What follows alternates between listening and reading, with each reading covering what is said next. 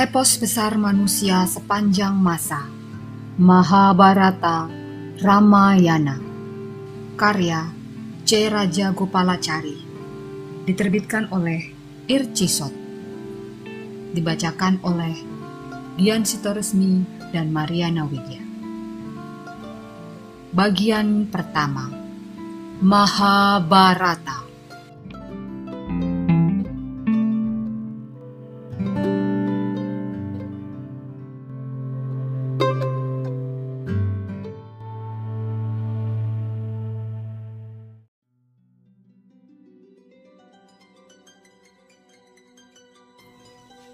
Bab 16 Sayembara memperebutkan Drupadi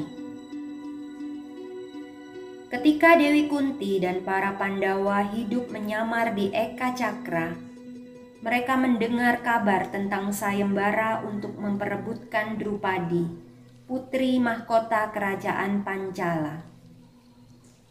Para Brahmana Eka Cakra berencana pergi ke Pancala dengan harapan mendapatkan sedekah yang berlimpah, serta menyaksikan pesta raya dan arak-arakan pernikahan agung. Naluri keibuan Dewi Kunti dapat mengetahui bahwa anak-anaknya ingin pergi ke Pancala untuk mengikuti sayembara itu. Agar mereka tidak malu mengutarakan niat mereka, dengan halus ia berkata kepada Yudhistira, kita sudah lama tinggal di negeri ini. Sudah saatnya kita pergi dan melihat-lihat negeri lain. Ibu sudah bosan melihat gunung, lembah, sungai, dan alam sekitar sini. Sedekah yang kita peroleh juga semakin sedikit. Sebaiknya kita tinggalkan tempat ini. Mari kita pergi ke kerajaan Pancala yang konon subur dan makmur. Dewi Kunti yang bijaksana dan cerdas bisa membaca pikiran anak-anaknya dan bisa membuat anak-anaknya tidak perlu malu mengungkapkan keinginan mereka.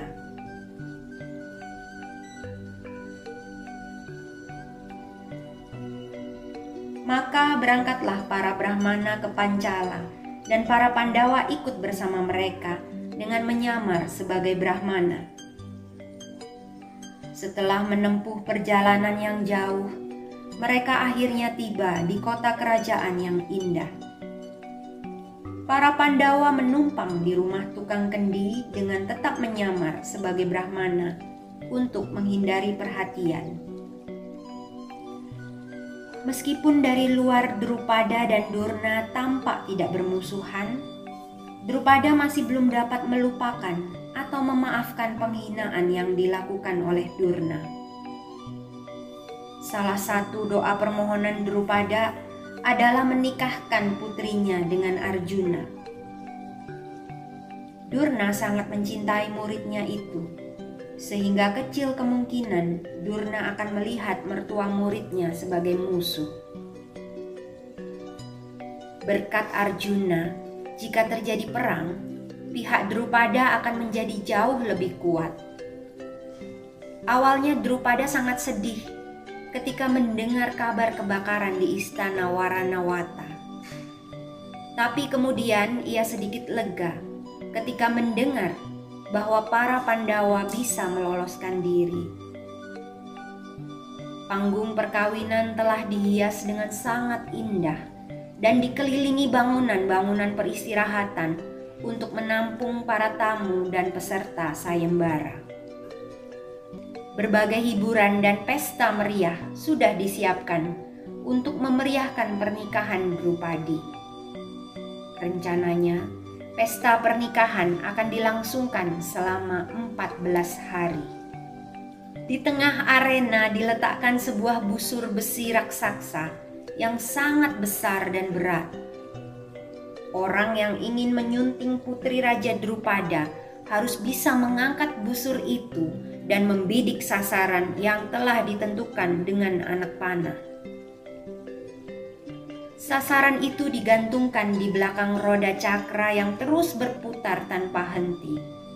Dengan demikian, dibutuhkan kemampuan yang melebihi kemampuan manusia biasa untuk bisa memenangkan sayembara ini.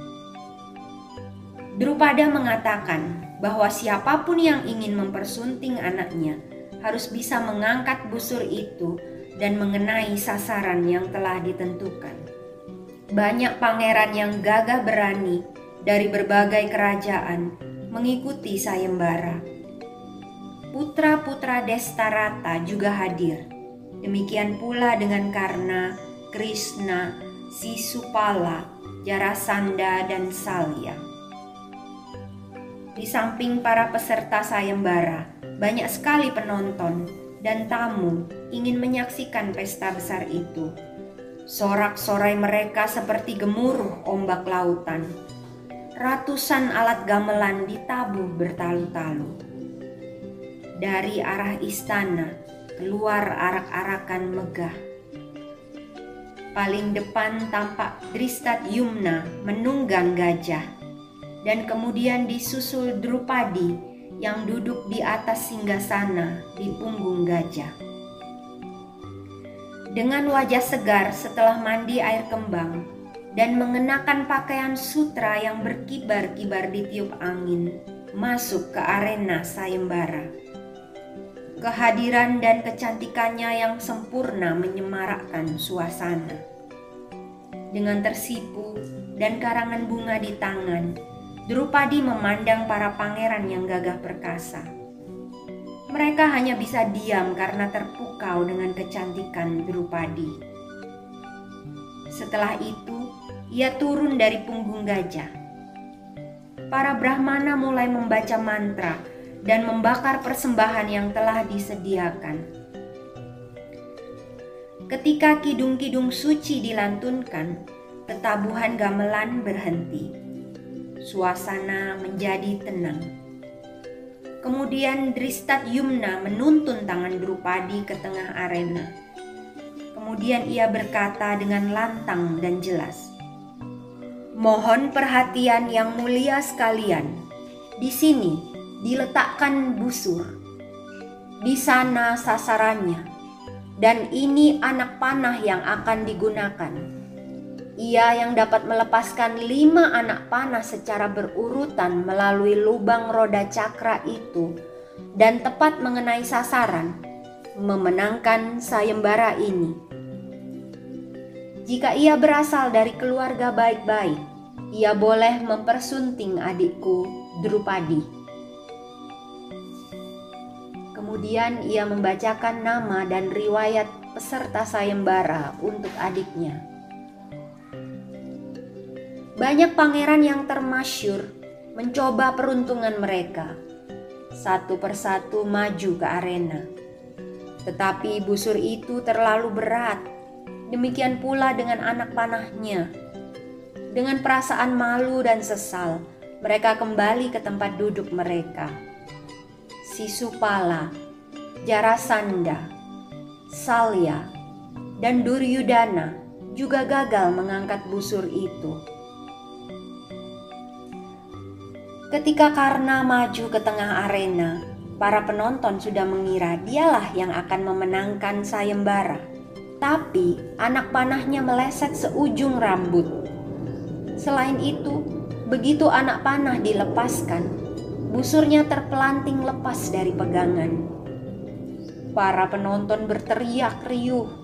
Ada yang berseru bahwa sayembara ini terlalu berat. Tidak mungkin ada yang sanggup memenangkannya sayembara ini hanya dimaksudkan untuk mempermalukan para pangeran. Tiba-tiba keributan itu terhenti. Di antara mereka muncul seorang Brahmana muda. Dengan tenang, ia melangkah menuju tempat di mana busur itu diletakkan. Brahmana muda itu adalah Arjuna yang menyamar. Ketika ia berdiri, Para penonton mulai ribut kembali. Golongan Brahmana sendiri terpecah menjadi dua. Mereka berdebat. Ada yang mengatakan bahwa sungguh baik ada yang mewakili golongan mereka. Yang lain berpendapat, seorang Brahmana tidak pantas mengikuti sayembara dan bersaing dengan para pangeran. Kesatria sakti seperti Karna dan Salya saja gagal apalagi seorang Brahmana. Dari antara hiruk pikuk itu terdengar suara lantang. Tunggu dan lihatlah bentuk badan dan raut wajah Brahmana muda itu. Aku yakin ia akan memenangkan sayembara ini. Dia terlihat begitu yakin dan jelas kalau dia tahu apa yang harus dilakukannya. Mungkin secara fisik seorang Brahmana memang lemah, tapi itu kan hanya kekuatan fisik. Bagaimana dengan kekuatan memusatkan pikiran? Mengapa tidak kita beri dia kesempatan? Dan para penonton mengeluh-elukannya, tanda memberikan dukungan. Arjuna mendekati tempat busur itu diletakkan dan bertanya kepada Dristat Yumna. Bolehkah seorang Brahmana mencoba busur ini? Dristat Yumna menjawab, Brahmana muda, adikku akan menikahi siapa pun yang berhasil mengangkat busur ini dan mengenai sasaran. Apa yang telah diucapkan tidak akan dicabut. Kemudian Brahmana muda itu diam sejenak, mengheningkan cipta. Ia memohon restu pada Narayana Hyang Widi. Ia angkat busur itu dengan mudah. Ia memasang kelima anak panah pada tali busur dan melihat ke sekeliling sambil tersenyum. Para penonton terdiam, mereka menunggu dengan hati berdebar-debar. Lalu, tanpa jeda atau keraguan, ia lepaskan kelima anak panah itu secara berurutan, meluncur masuk ke dalam roda cakra yang terus berputar dan tepat mengenai sasaran. Sasaran itu jatuh ke tanah. Para penonton bersorak-sorai dan gamelan segera ditabuh.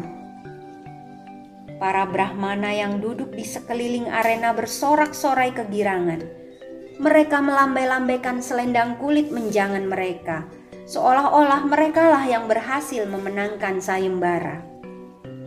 Wajah Drupadi memancarkan kecantikan yang menyegarkan. Wajahnya bersinar-sinar bahagia. Dengan tatapan penuh cinta, ia pandang lelaki muda yang memenangkan sayembara tersebut. Ia melangkah maju mendekati Arjuna dan mengalungkan karangan bunga di lehernya. Dengan girang, Yudhistira, Nakula, dan Sadewa berlari kembali ke rumah tukang kendi. Mereka ingin segera melaporkan kabar gembira ini kepada ibu mereka. Bima tetap tinggal di sana untuk berjaga-jaga jika ada pangeran yang membahayakan adiknya karena tidak puas. Seperti yang diperkirakan Bima, para pangeran mulai marah. Mereka berteriak-teriak, Sayembara macam apakah ini? Bagaimana mungkin seorang Brahmana diperbolehkan mengikuti sayembara? Jika Drupadi tidak mau dipersunting putra raja, ia harus tetap tinggal perawan sampai ia membakar diri. Mana boleh seorang Brahmana menikahi seorang putri raja? Kami menentang perkawinan ini. Kami menuntut sayembara dibatalkan demi mempertahankan tata aturan yang benar. Tampaknya keributan tak terhindarkan lagi. Bima segera mencabut sebatang pohon dan melucuti daun-daunnya. Ia berdiri di samping Arjuna, menjaga segala kemungkinan yang terjadi. Drupadi tidak dapat berkata apa-apa. Ia hanya memegangi jubah Arjuna yang terbuat dari kulit menjangan. Krishna, Balarama, dan pangeran lain berusaha menenangkan para putra raja yang marah dan membuat keributan. Diam-diam Arjuna mengundurkan diri dari arena ditemani Drupadi. Ia kembali ke rumah tukang kendi. Tanpa mereka ketahui, Dristat Yumna membuntuti mereka. Ia memperhatikan secara cermat. Setelah tahu siapa sebenarnya kelima Brahmana itu, Tristat Yumna merasa lega dan gembira. Ia segera memberitahu ayahnya. Katanya, Ayahanda, Ananda yakin Brahmana yang memenangkan sayembara ini adalah para Pandawa. Drupadi bersama mereka memegang erat jubah kulit menjangan Brahmana muda itu. Ia sama sekali tidak tampak canggung. Ananda melihat dengan mata kepala sendiri mereka berlima dengan seorang wanita yang berwibawa agung. Ananda yakin wanita itu pasti Dewi Kunti.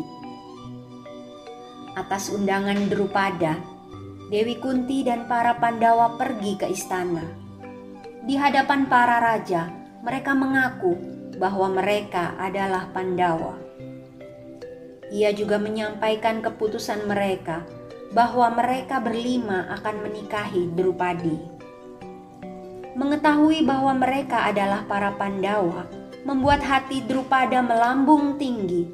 Ini berarti memadamkan semua kecemasan terkait dengan permusuhan dengan Durna.